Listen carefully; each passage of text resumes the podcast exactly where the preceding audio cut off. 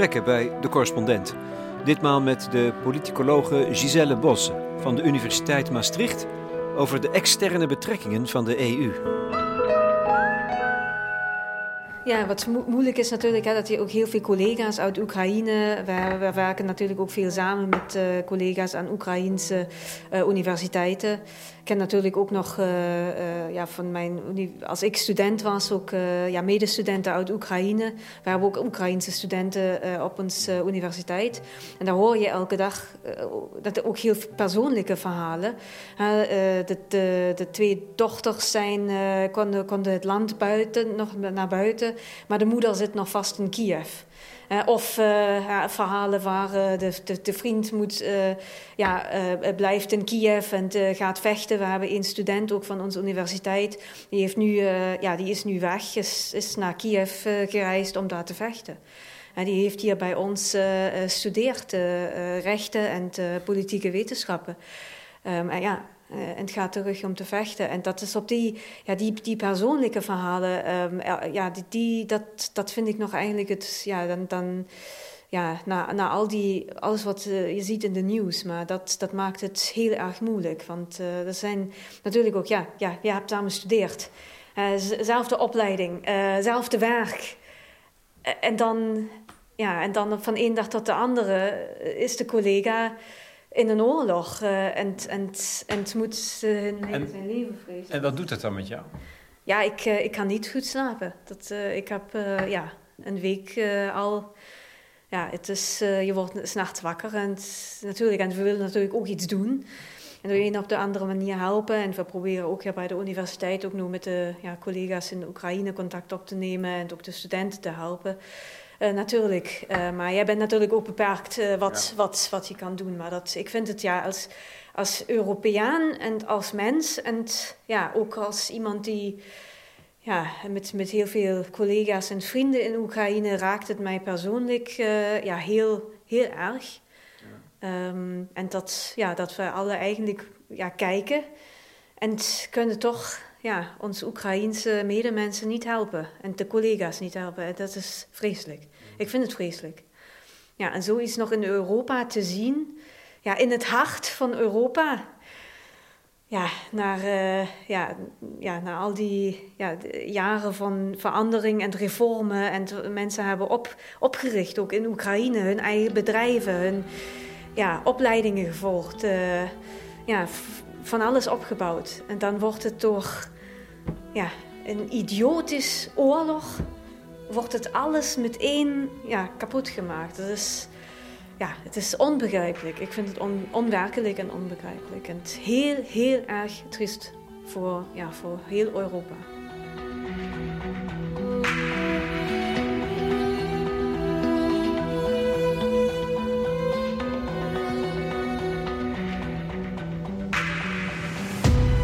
Giselle Bos is gespecialiseerd in de politiek van de EU in het post-Sovjet-tijdperk. Ze doet met name onderzoek naar het beleid ten aanzien van de Europese buren in het oosten, met de nadruk op mensenrechten, democratie en het recht. En ze is persoonlijk betrokken, dat blijkt. Dat heeft iets te maken met haar eigen geschiedenis. Ze groeide op in Oost-Duitsland, de eerste jaren van haar leven, en ze was negen toen de muur viel. Ze heeft met andere woorden geleefd onder een communistisch regime in de invloedssfeer van Rusland. Ja, ik was een kind natuurlijk. Hè. En als kind uh, hebben die, die herinneringen zijn niet helemaal politisch. Uh, of eigenlijk überhaupt niet politisch. Uh, maar ja, goed, als kind, mijn ouders waren niet in de oppositie of waren ook niet politisch actief. Hè. dus dat, dat ja, was eigenlijk redelijk normaal leven. dus, dus voor mij als kind was, was daar, kan ik nu niet zeggen dat er hier uh, dat ik heel, heel veel van het communisme heb meegekregen. Maar wat ik heb meegekregen was natuurlijk dat rond uh, de tijd dat de muur uh, viel, is ook, ja, zijn dingen natuurlijk veranderd, ook op school. Hè. We hadden altijd een appel waar iedereen moet staan als kind. En, de, en dan dat, dat met muziek, et cetera. En, maar dat, op een moment viel dat weg. En daar waren ook dan klasgenoten. Dat was die tijd, ja, dat wist ik toen natuurlijk niet, maar was die tijd dat ook de grens met Hongarije openging. En de eerste ja, burgers van, van de DDR ja, naar het westen via Hongarije konden gaan. Uh, en daar waren wel wat klasgenoten plots weg. En dat was voor een, voor een kind van negen jaar, denk ik, waar, waar is die nu? dat is toch heel raar. En dan waren mijn ouders natuurlijk, die wisten dat, wat daar gebeurd was. Uh, maar die waren dan ook nog heel voorzichtig. Hè, want men, men wist niet, ja, welke kant gaat dat nu, nu op. Um, en ze hadden een klein kindje, dus dat was ik. Uh, we hebben dat dan ook niet echt meteen verklaard. Uh, want je weet het maar nooit, want kinderen vertellen van alles. En Rusland? -hmm. Was dat een notie? De Russen, Rusland? Ja ja, ja, maar in een, in een, op een manier um, ja, dat het uh, gewoon ook... Uh, ja, hoe, hebben we dat toen? Was het, uh, ja, dat is ook nog steeds een soort broedervolk. Hè, dus je zegt dat zijn natuurlijk ja, mensen die... Ja, alle in de Sovjet-Unie is, is iedereen in één, gemeenschap. En dat is die Sovjetische gemeenschap in, in dit geval. Maar ik heb dat als kind zo begrepen, ja, dat het natuurlijk ook met kinderboeken en met verhalen, met ja, fairy tales hè, van, van, van de Sovjet-Unie ben ja, op, opgegroeid, ook met Russische fairy tales. Dat is best mooie natuurlijk, hè, ook voor kinderen. Um, dus dat was altijd, ja, dat, dat was natuurlijk heel positief, omdat het ja, om mensen ging. Hè? Nee, voor mij was het altijd een motivatie uh, ja, in contact, contact te houden en later ook in mijn onderzoek. Te zien, oké, wat, uh, ja, hoe ontwikkelt zich die, um, die regio hè, en die landen. Ik, was dan ook, ik heb ook gestudeerd dan uh, één jaar voor de master in Polen. En dat was die tijd dat Polen deel wordt van de Europese Unie. Want ik dacht, oh, dat is echt een historisch moment. Ja, was niet alleen Polen, het was po Polen, maar de hele ja, na, oostelijke uh, verbreding van de Europese Unie. En dat was uh, voor mij natuurlijk ook persoonlijk echt een historisch moment. En dat was voor mij altijd belangrijk te zien, ja, hoe, ja, hoe, hoe gaat het daar? Hoe, hoe zijn daar de ontwikkelingen ook uh, naar de democratie naartoe? Um, hoe kan democratisatie daar ondersteund worden? Want ik had natuurlijk ook met de uh, ja, mijn ervaring was, oké, okay, de muur was weg en je kan, ja, je kan van alles. Je kan reizen, je kan studeren wat je wilt, je kan ja, van alle vrijheden natuurlijk genieten. En die ook meteen heb ik, uh, heb ik die natuurlijk ook geleefd. Ja, met democratie ja. Um, en, en vrijheid. Ja. Want dat was het wel. Mhm. je, je, je, was wel. er zijn ook mensen die natuurlijk het verlies van het communisme hebben betreurd. Mhm. Ja. En er zijn er niet weinig ja, als de muur viel. En dan was natuurlijk ook uh, ja, in, in de politiek en overal was het uh, een soort, ja, wat, wat was het? Niet een gevoel, ik, uh, ik zoek het woord. Um, was die atmosfeer zo dat je zegt, oké, nu gaat de democratie overal naartoe. Hè? Um, en, en dat, ja goed, dat was natuurlijk een enthousiasme die heel speciaal was voor die tijd na de Koude Oorlog dus men zegt, oké, okay, uh, alle landen, ook de voormalige Sovjet-Unie, worden nu onafhankelijk en kunnen kiezen, worden hun eigen staten. Um, en kunnen dan ook de weg naar de democratie en de vrije uh, um, economie gaan. Um, en dat was, dat was bijna vanzelfsprekend die tijd. Daar was ik dan ook aan het studeren en overal was nog deze enthousiasme. En Fukuyama en uh, End of History, hè? Dat, was, dat was die tijd. Maar goed, dat, dat is dan op één moment uh, wordt het natuurlijk duidelijk dat, dat deze wereld, dat het zo, hè, dat was geen, de end of history was het niet. Langzaam veranderde dan toch deze hele optimistische uh, zicht op de wereld, uh, ja, wordt dan natuurlijk van de realiteit ingehaald. Ja. En daar staan we dan vandaag. Mm -hmm. Ursula von der Leyen heeft uh, gezegd: Oekraïne is one of us. We want them in the European Union. Wat vind je van, die, van dat statement?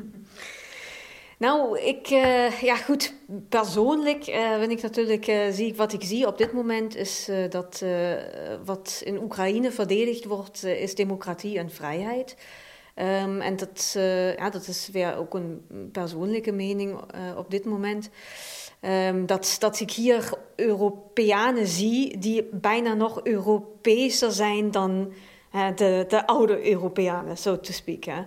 Ja, ja, ja, ja, nou, ik, ik denk wel dat op dit moment in, in, in de westelijke delen van Europa wordt het wordt het ja, vanzelfsprekend gezien hè, dat wij democratie hebben, dat wij vrijheden hebben. Ehm, natuurlijk uh, is er ook populisme en dat, dat, dat, zien we natuurlijk ook, maar het wordt veel vanzelfsprekend gezien. En in Oekraïne, ook uh, wat de mensen van Oekraïne op dit moment laten zien, is dat, ja, dat zij voor die vrijheid. ook in Europa, voor Europa vechten met hun, ja, met hun eigen leven. En dat vind ik dan, dat, dat is heel indrukwekkend. En dat zijn, dat zijn voor mij, ja, de, ja, die Europeanen die Europeeser zijn op dit moment uh, dan ja, bijna de rest van Europa. Dus dat, ja, dat is heel indrukwekkend. Maar dan uh, politisch gezien is natuurlijk dit soort statement uh, een teken van ondersteuning voor Oekraïne. Maar op dezelfde moment weten we ook dat, dat, uh, dat dit soort beslissing Oekraïne uh, aan te erkennen als een uh, lead of, of kandidaatstatus te geven, heb je unanimiteit nodig. Um, um, en dat is op dit moment in de Europese Unie, als ik ja, van wat ik zie, is deze unanimiteit bestaat niet. Er zijn nog staten uh, uh, landen die, die daar niet, ook nu nog niet mee eens zijn. En dan is het natuurlijk een dubbele message. Dus dan zegt Van der Leyen, we willen ja, uh, jullie in de un Europese Unie.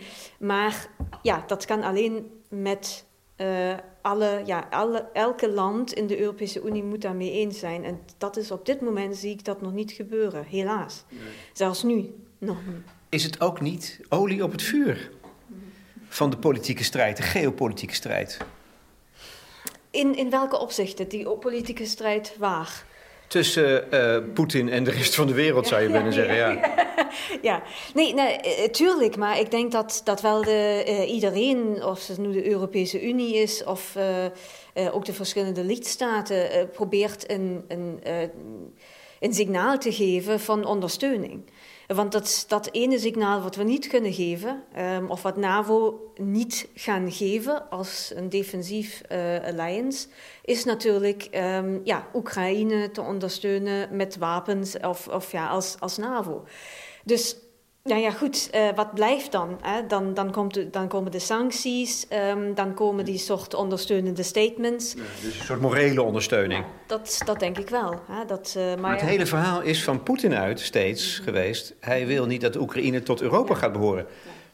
Dat is de inzet van zijn strijd. Ja, goed. Wie, wie kan in de hoofd van, van Poetin kijken? Hè? Op dit moment is dat, is dat, uh, dat is, is niet te doen. aan alles blijft speculatie.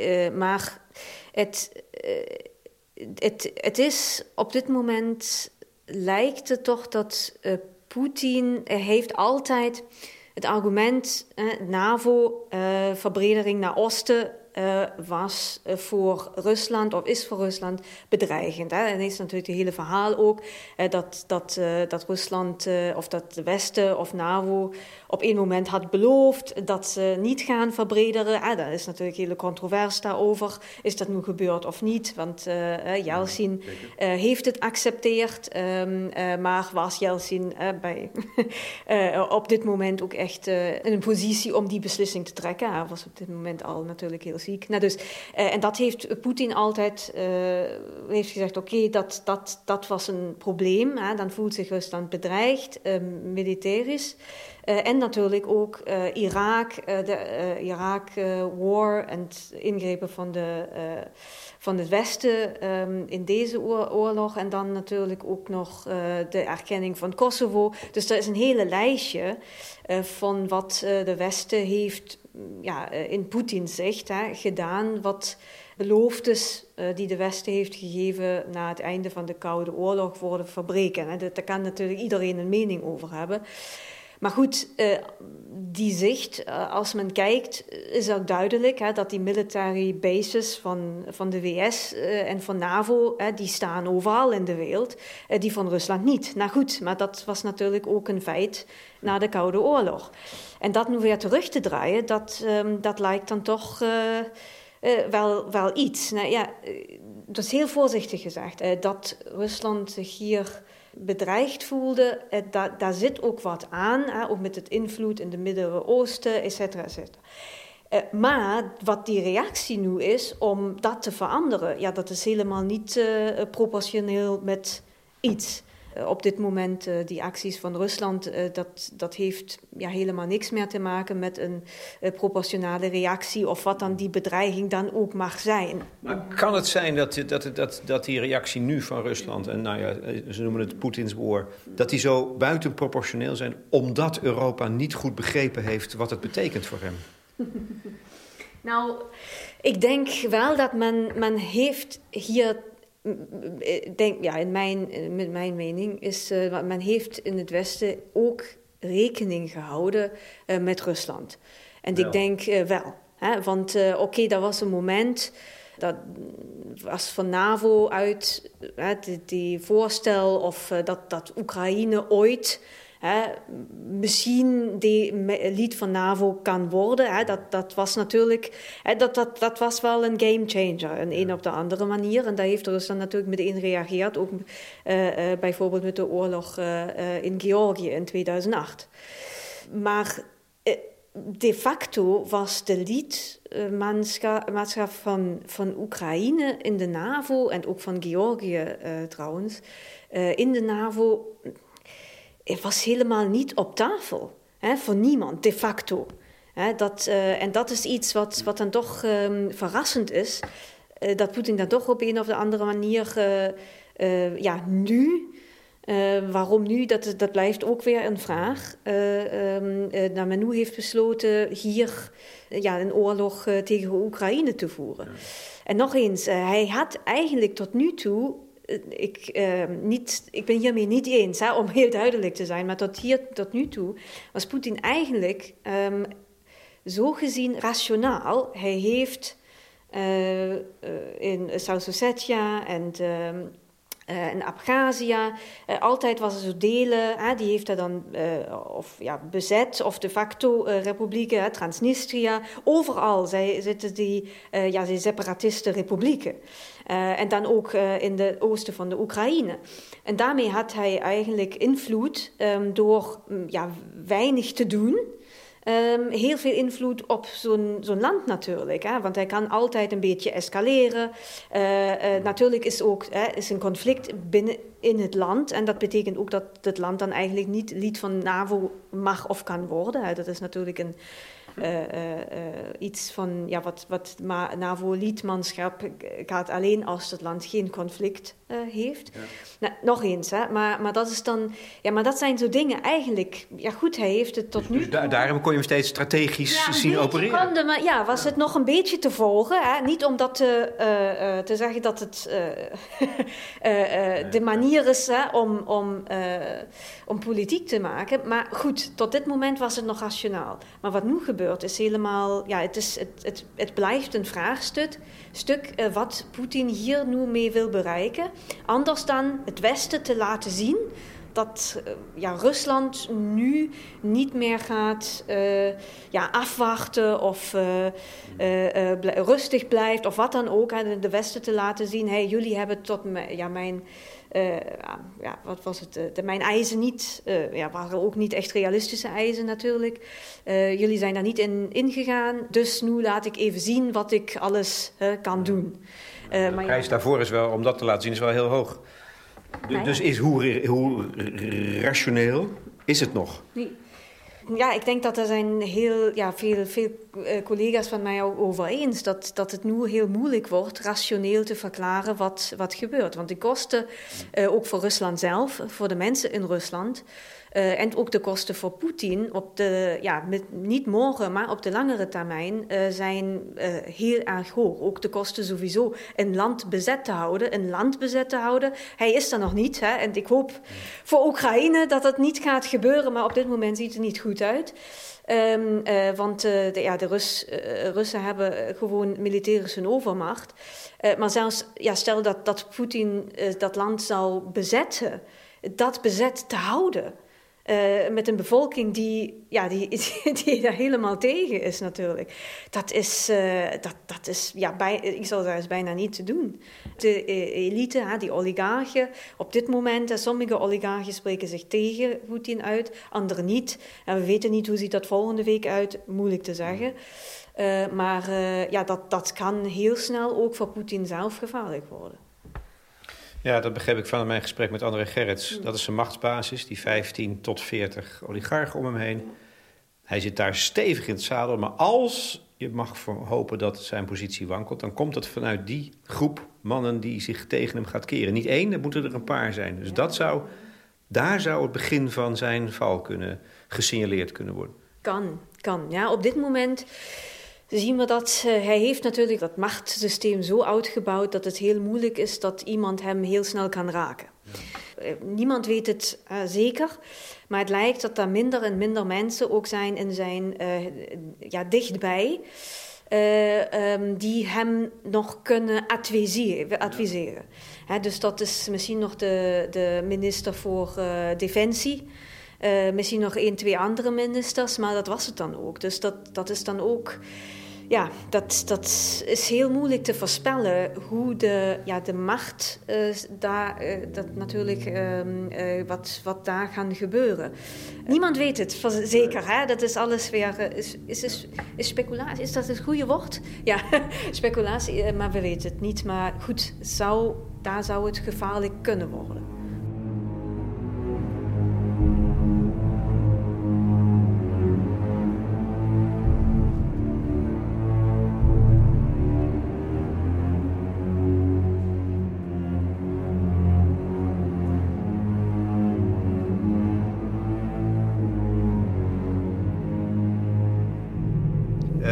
Teruggrijpend op die uitspraak van uh, Van der Leyen. Uh, kom maar bij ons. Oekraïne. Is Oekraïne daar van binnenuit wel klaar voor? Hè? Past dat land zoals het nu functioneert wel in de waardegemeenschap van de EU? Om dat nog maar eens heel erg trots te zeggen. Terwijl ook daar kun je grote twijfels bij hebben. Met andere woorden, wat is de stand van zaken eigenlijk in Oekraïne als, als bufferland, als verdeeld land? Oeh, nou, nou... Ja, het zijn te veel vragen. uh, we, nou, nou, ik zal zeggen, qua, uh, qua, qua motivatie is, uh, is, bestaat hier geen vraag. Hè? Want Oekraïne heeft eigenlijk sinds het einde van de, van de Koude Oorlog... Um, heeft Oekraïne, alle regeringen van Oekraïne hebben duidelijk gemaakt... dat de, dat land naar Europa oriënteerd is. dus er was altijd die vraag naar een Europese perspectief aan de Europese Unie, altijd. Um, uh, dat, dat is nooit veranderd. Dus uh, aan de motivatie of uh, de perspectief, daar is, bestaat geen vraag. Hè. Natuurlijk, in Oekraïne, die hebben natuurlijk ook een handelsverdrag met, met de Europese Unie. Ja goed, uh, en daar is dan, daar zijn, ja, is heel veel ook aan reformen gebeurd. Natuurlijk is het ook een heel groot land. Uh, er zijn ook oligarchen. Ja, dat, dat duurt natuurlijk. Maar het is een land dat duidelijk um, op weg was om, ja, om verder met Europa te integreren. Ook de economie hè, en, en dan ook qua democratie. Dus uh, geen vraag.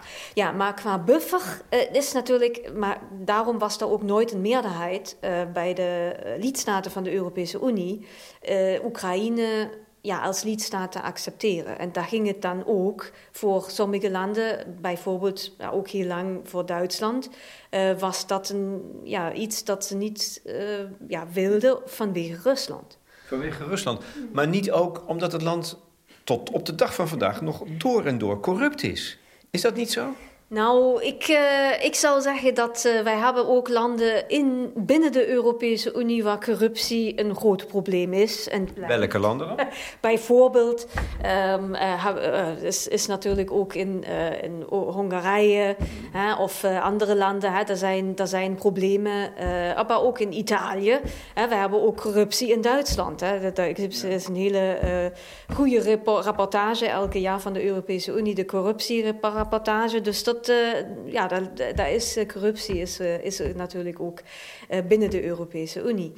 Um, maar goed, ik denk dat het dat heel, heel veel ook te maken had dat de Europese Unie um, ook een beetje klaar was met verbrederen. Hè. Dat, dat dus was, oké, we, we hebben nu genoeg landen opgenomen.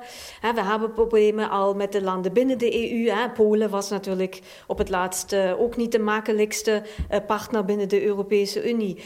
dus ja, die, die fatigue te verbrederen was er natuurlijk gewoon. Maar we zullen natuurlijk niet vergeten, landen zoals Polen naar, ja, voor, voor de opname in de Europese Unie, daar was, was ook uh, uh, niet een land wat nu uh, perfect reformeerd was. En daar gaat het ook niet om. het ging gewoon de perspectief te geven om dan verder te reformeren. En dat binnen de Europese Unie die weg verder te kunnen volgen. En we waren een beetje klaar met dat proces, want het was al veel te veel of veel te moeilijk. Dus Oekraïne viel er als slachtofferland, als, als, als bloedland ook, ook dan weer buiten. Waarom is het zo moeilijk voor zo'n land als Oekraïne? En misschien wel ook wel voor andere voormalige Sovjet-staten. Om dat proces naar democratie in die, in die na de Koude Oorlogse tijd uh, beter te laten verlopen. Ik wil niet eens zeggen vlekkeloos, maar waarom is het zo moeilijk om het, om het op de rails te krijgen? Ja, nou tuurlijk, maar uh, ja, er was natuurlijk één, uh, nog eens, voor, die, voor landen ja, die, zoals Polen of um, Hongarije toen hè, eh, was de Europese perspectief. Uh, die was daar. En dat maakt een heel groot verschil. Daar was natuurlijk dan ook heel veel meer ja, investitie en geld uh, om voor dit soort transitieproces um, uh, naar, een, naar een democratie. Uh, democratie. Dus ik denk dat zonder die lidmaatschap of de perspectief um, deel te worden van de Europese Unie, zou het ook voor een land als ja, Slowakije of, of Polen niet zo makkelijk geweest zijn. Maar daar was een duidelijk, hè, daar was een, een perspectief. En die ging, oké, okay, wij worden dan deel van de Europese Unie. Um, en ik, dat, ja, dat heeft een heel groot verschil gemaakt. Maar dat, dat, dat heeft ook natuurlijk ook met um, een uh, een soort elite consensus binnen het land te maken. Hier gaat het naartoe. Uh, het gaat naar de, binnen de EU, daar moeten we wat eisen voor, um, natuurlijk uh, eerst vervullen om dan daar binnen te komen. En dat is een enorme kracht voor reform. En deze perspectief, die was voor een land zoals ja, Oekraïne, bestond die nooit. Ook in Moldavië natuurlijk. Die landen hebben ja, zonder die perspectief, vind ik, nog steeds heel veel reformen hebben doorgevoerd. Maar en de tweede is natuurlijk Rusland. want die staten die zitten natuurlijk veel dichterbij. Rusland. Rusland had ook traditioneel ja, heel veel invloed ook nog steeds gehad of heeft hij nog steeds ook op die, op die landen, dat was ook in Oekraïne, ook het oosten van de Oekraïne, uh, ook qua economie. dat, is, dat is ook niet te onderschatten. Natuurlijk ook Russische oligarchen. En die oligarchen onder elkaar die verbindingen hadden. Dus dat is dan alles één. Ja, dat zijn deze twee, denk ik, die factoren zijn cruciaal. En intern, want intern in Oekraïne zelf is, toch, is zolang dat perspectief van, oh, we, we, bewegen ons richting het Westen en de Europese Unie. En laten we vooral zeggen ook democratie en die waarden. Zolang dat per heldere perspectief niet is, is er intern ook een tegenkracht, denk ik. In het land zelf, in die land, en dat geldt voor al die landen. Dus hè, het, is niet, het is niet zo zeg, dat je kunt zeggen, alle Oekraïners willen democratie. Nou. Ik ken ze niet persoonlijk allemaal, maar jij nou, misschien wel. We, we, weten wel van uh, in, in, in, uh, in Oekraïne natuurlijk van omvragen uh, dat, dat de meerderheid van de bevolking is voor democratie. Daar bestaat geen vraag. wat natuurlijk moeilijk is, ja, dat daar zijn natuurlijk ook reformen die moeten omgezet weer, worden. die reformen zijn ook niet makkelijk. Bijvoorbeeld al die standaards, je moet dan aanpassen aan de standaards van de um, ja, eh, Europese Unie. Hè, dat heeft iets met photosanitary standards te maken. Uh, ja, goed, dat, dat, dat kost alles heel veel geld natuurlijk om, uh, om daar ook al die, die reformen te implementeren. En dat geld is er niet en daarom gaan die, die hervormingen zo langzaam. Ja, natuurlijk. Ja, natuurlijk. En dat is altijd ook weerstand, want uh, die elite die van corruptie profiteert, gaat natuurlijk niet vanzelf weg. Uh, dus uh, die proberen, proberen natuurlijk hun machtsstatus ook te houden.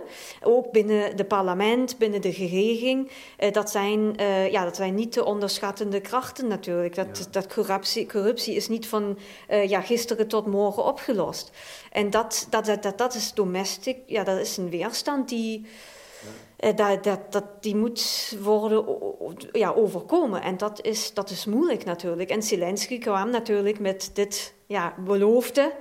Uh, uh, ook um, uh, in, de, ja, in de regering om te zeggen: Oké, okay, ja, ik wil daar iets aan doen. Hè. Dat, heeft, ja, dat, is, en die, dat heeft natuurlijk ook heel moeilijk gehad. Ja, dat, ja, dat is, ja, dat, dat, dat is wel, wel, wel. Met de dag wordt hij sterk. Door de, aan, door de agressie van, van Rusland wordt hij met de dag sterker. Juist in zijn, in zijn pleidooi voor de westerse waarden. Terwijl, je dat, terwijl we dat allemaal zeggen in, in het soort van bijna machteloos en heel tragisch besef dat hij a dead man walking is. Ja, nog eens. We weten niet wat, uh, wat volgende week is. Hè? Ik, uh, ik, uh, wat, wat we zien is natuurlijk dat die Oekraïnse armee al de, de, een Russische overmacht heeft tegengehouden, wat bijna niemand had mogelijk gehouden. Ja, sowieso Rusland of Poetin zelf niet voor, uh, ik denk dat hij dacht, hij is daar zo'n soort blitzkrieg en dan is, is het klaar. En dat was niet het geval. Dus uh, uh, met alle respect, en, ja, dat is um, ongelooflijk wat het ja, Oekraïens en ook de bevolking en het leger daar um, tot nu toe hebben laten zien. En, en, mag, je, mag je verwachten, hopen misschien? Het is nu dinsdag, hè, 1 maart, dus we weten niet wat er overmorgen dan in de hand is, zoals je zegt. Dat door deze gebeurtenissen juist juist het verlangen naar democratie en, de, en de, de, de ontwikkelingen in die richting eigenlijk misschien wel versterkt zouden kunnen gaan worden? Ja, ik, dat, als je dat niet doet, dat ziet men ook overal. Dat is natuurlijk in, uh, in alle landen die ook in de voormalige Sovjet-Unie uh, zaten, ziet het ook nu zelfs in Hongarije. Uh, Viktor Orbán, die natuurlijk niet helemaal tegen Rusland argumenteert, maar je laat, je laat natuurlijk heel duidelijk zien dat Europa ook verenigd is tegen Rusland op dit moment. Um, en ik denk dat dat ook binnen, ja, binnen Europa um, ja, dingen gaat ver, ja, ver, of veranderen of te versterken. Ja, hoe belangrijk democratie eigenlijk is. Ja. En ik denk binnen Oekraïne, nog eens, ik, ik denk dat is geen vraagstuk geweest. Um, dat het land uh, ja, zelfstandig in vrijheid en te, uh, naar democratie uh, ja, wil. En, en nog steeds wil. En dat, ik denk dat is nu overduidelijk. En ik denk ook in die landen, uh, zoals Polen of Hongarije, uh, dat er toch ook nu dingen veranderen um, qua ja, denken over Europa en hoe belangrijk Europa is. Maar ook NAVO, hè, moeten we niet vergeten. NAVO is super cruciaal. heeft minder te maken met de idee van Europa, maar de idee ook veiligheid van Rusland. Dus dat is natuurlijk nog, ook nog belangrijk.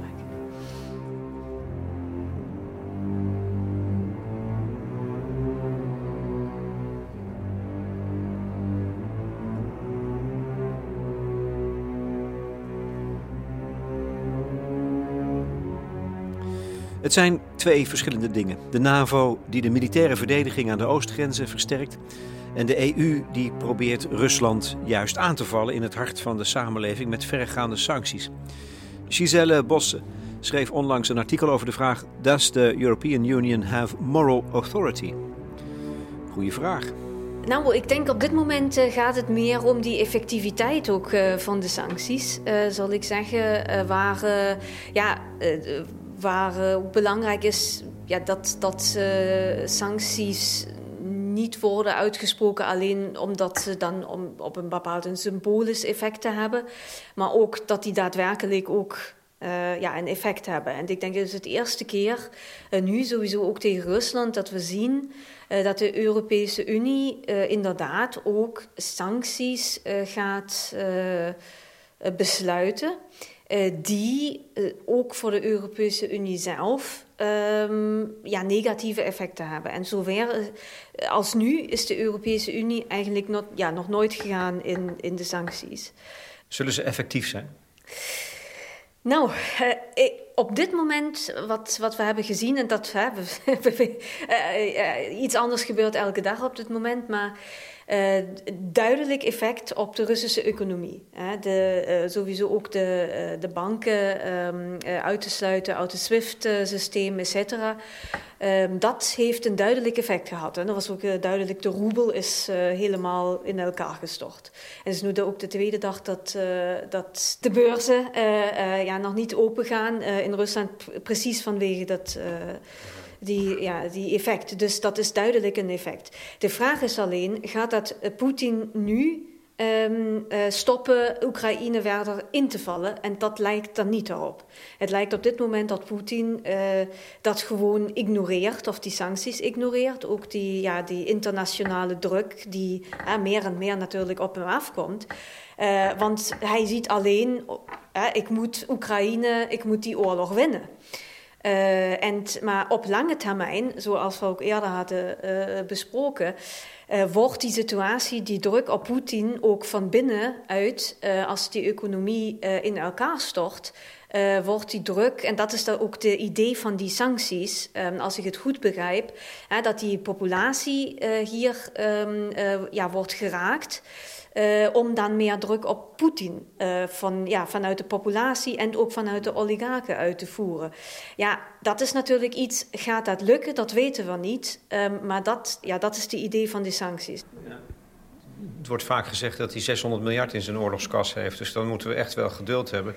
Maar je, maar je, nou, als het nog aankomt. ja, ja. ja, op dit moment is natuurlijk uh, de reserves zijn bevroren. Hè, die, die, uh, die in het buitenland zijn. Dus dat, op dit moment...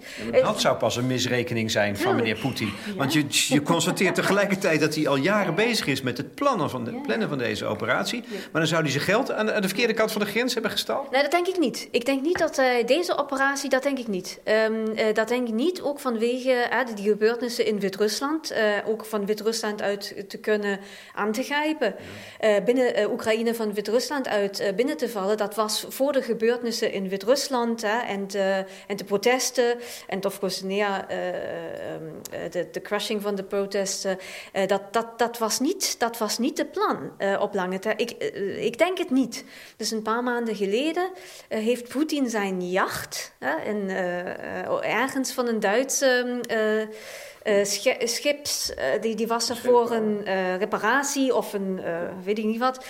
En die heeft hij weggehaald. Uh, uh, en dat was, en op dit moment dacht ik, oh, dat, dat is niet goed, want hij verwacht dan sancties ook tegen hemzelf, of hij, dat, dat hij dan niet meer.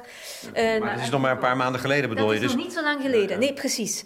Dus en dat is ook, um, en dat is ook dat, wat, het zo, wat zo raar is, want eigenlijk tot een paar maanden geleden waren ook die reacties van Poetin nog zo als rationaal te verklaren. Maar, maar ja, die, die laatste maanden, het is. Um, het is heel bizar. Uh, waar ook dan die, die eisen die hij plots stelde aan de NAVO en aan de VS. Uh, waar kwam dat vandaan? Heeft hij gezien, oké, ik kan nu ook vanuit uh, Wit-Rusland uh, Oekraïne binnenvallen? Of wat is daar precies gebeurd? Maar dat is iets, misschien komen er ooit nog achter. maar ja. ik, heb, ik, heb, ik heb er twee gedachten over als, als, als burger, naïveling die ik ben. Eén is, het is, een, het is waarom, waarom is het gebeurd? Ja, hij leeft ook al twee jaar in COVID-tijd. In isolement, met angst. Met grote angst. En hij wordt steeds meer een alleenheerser. En daarvan weten we dat hij uh, uh, in de greep van de angst kunnen komen. En de andere gedachte is, um, hij is al jaren bezig om de vrijheden van het volk in te perken. En daarvan heb ik ook de gedachte, ja, waarom doet hij dat? Omdat hij van plan is zo'n actie te doen, waarvan hij weet dat het intern tot, tot um, strijd kan leiden. Nou, ik denk, uh, daar zit, het zit iets aan het argument um, dat uh, zijn eigen macht natuurlijk ook in uh, gevaar kwam door de democratiebeweging. Maar um, ik zal zeggen dat was iets, de trigger hier was Wit-Rusland. Want hij heeft dan gezien in Wit-Rusland um, ging ja, natuurlijk de protesten. Uh, die dan ook een effect, ook met name via de sociale media en de Telegram. Uh, en dan natuurlijk verschillende andere kanalen. Ook een strijd voor democratie zou je kunnen ja, zeggen. een strijd voor democratie. En die kan natuurlijk ook heel snel, want uh, over Telegram en die sociale media heeft um, ook in Rusland niemand helemaal volledig ja, de ja, geweld of, of, of de macht over. dus je kan natuurlijk alle nieuws kanalen de oppositie uh, weghalen. maar eh, de sociale media zijn heel moeilijk onder controle te behouden. En dan heeft Poetin gezien, oké, hoe snel dat in Wit-Rusland kan gaan. En dat was natuurlijk ook dat dan de economie in Rusland, het ging ja, tot nu toe niet heel goed, ja, nu gaat het nog slechter, maar de economie ging niet goed. Uh, en ook slechter en slechter. Ook de roebel heeft met de pandemie uh, aan uh, waarde verloren. en natuurlijk ook in de bevolking met de pandemie was ook de toestemming voor Poetin gezakt. Dus, en dan komt de democratiebeweging in Wit-Rusland. En dan natuurlijk ook nog democratie in Oekraïne, in Georgië. En op één moment kan het dan dat hij, en dan heeft hij natuurlijk naar binnen met Navalny en ook Memorial hè, heel, um, uh, ja, heel sterk reageert naar binnen om dat alles te verbieden. en, en dan ook natuurlijk Wit-Rusland geholpen. En dat kan met, ik denk wel dat hier een bepaalde trigger gaan hebben gezeten. Dat hij zegt: oké, als dit in Rusland gaat gebeuren. En Navalny was natuurlijk een van die cruciale personen hier.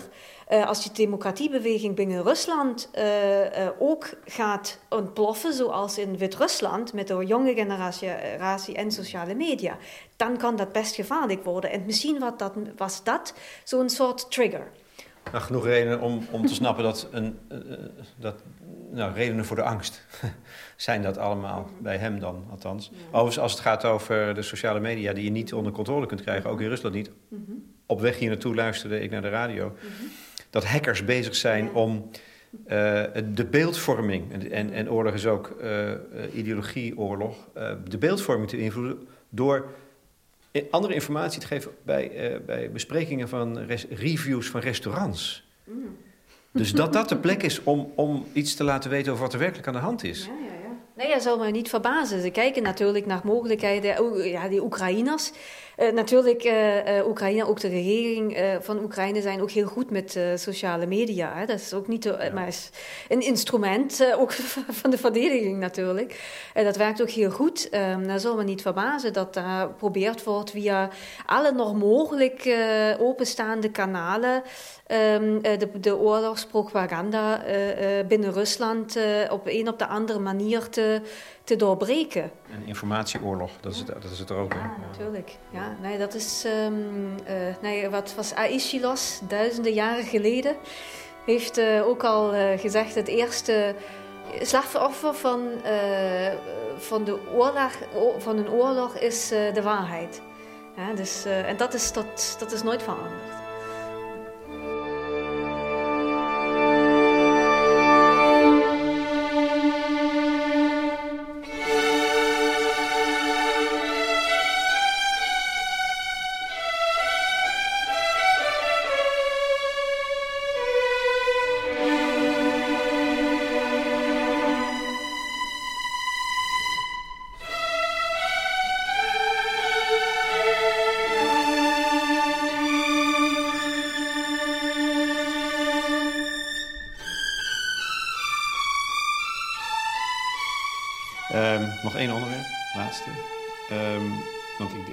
Het zijn de, de, de gevolgen van het conflict op de korte termijn, denk ik, voor juist die omliggende landen.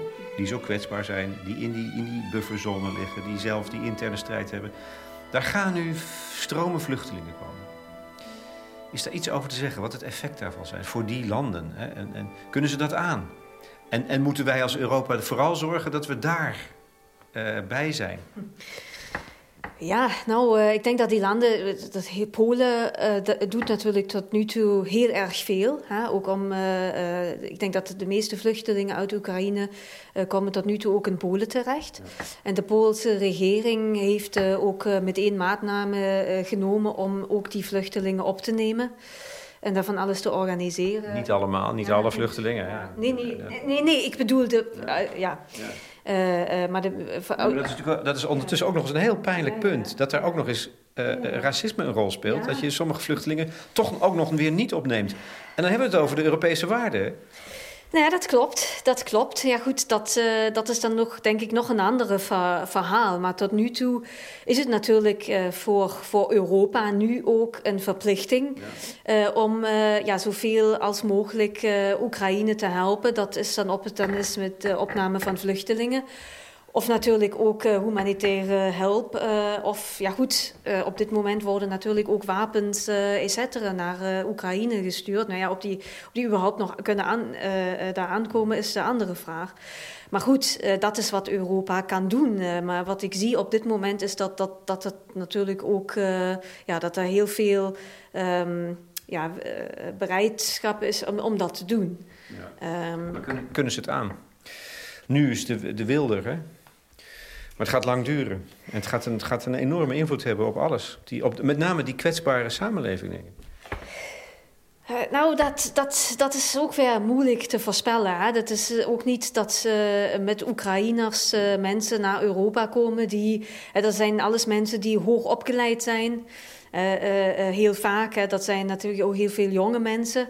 is ook niet dat die per se hier willen blijven. Hè. Er zijn natuurlijk heel veel vrouwen en kinderen op dit moment. En de mannen worden niet uit het land gelaten. Uh, dus dat is, ik zie daar eigenlijk minder problemen dat we daar niet aan kunnen. De Europese Unie is ook heel groot. En het gaat hier ook echt om mensen die, ja nog eens, die, die, die willen niet ja, die, die willen eigenlijk alleen maar ook weer terug naar Oekraïne, naar hun, naar hun land. Dat zijn Europeanen die ook nog Europeeser zijn dan, dan, dan wij hier op dit moment in Europa. En als dat nu een probleem wordt, Oekraïners op te nemen, ja, dan doen we het niet goed als Europeanen.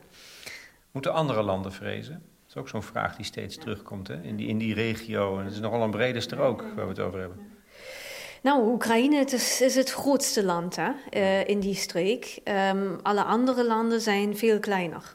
En dat betekent ook uh, qua militaire uh, mogelijkheden dat die ook heel veel kleiner zijn um, dan, in, dan die andere landen. En wat nu in Oekraïne gebeurt, ja, ook weer om. Ja, nog, nog eens, niemand weet wat in de hoofd van Poetin zit, maar het zal natuurlijk eh, makkelijk zijn voor hem als Oekraïne bezet is, eh, dat hij dan zegt, nou oké, dan ga ik nog even Moldavië binnenvallen, dan ga ik nog even Georgië binnenvallen, want dat zijn uh, ja, in vergelijking met Oekraïne um, kleine landen. Ja, die gevaar bestaat. En uh, als ik zo zie wat Poetin um, op dit moment, um, ja, wat kostte hij uh, blijkbaar wil maken of bereid is te maken en wat slachtoffers hij is bereid te maken, zowel aan de Russische kant ook als aan de Oekraïnse kant. Ja, goed, uh, wanneer gaat hij stoppen? En goed, de Russische armee is nog steeds um, ook, ja goed, maar als, als ze Oekraïne moeten bezet houden, nog eens, hè, op een moment, ja, je kan jouw armee niet overal naartoe sturen. Maar goed, nog eens, Moldavië is een kleinere land, Georgië is een kleiner land. En dat is, ja, dat, dat kan heel, ja, dat is, het is een, een, ik denk, een realistisch gevaar.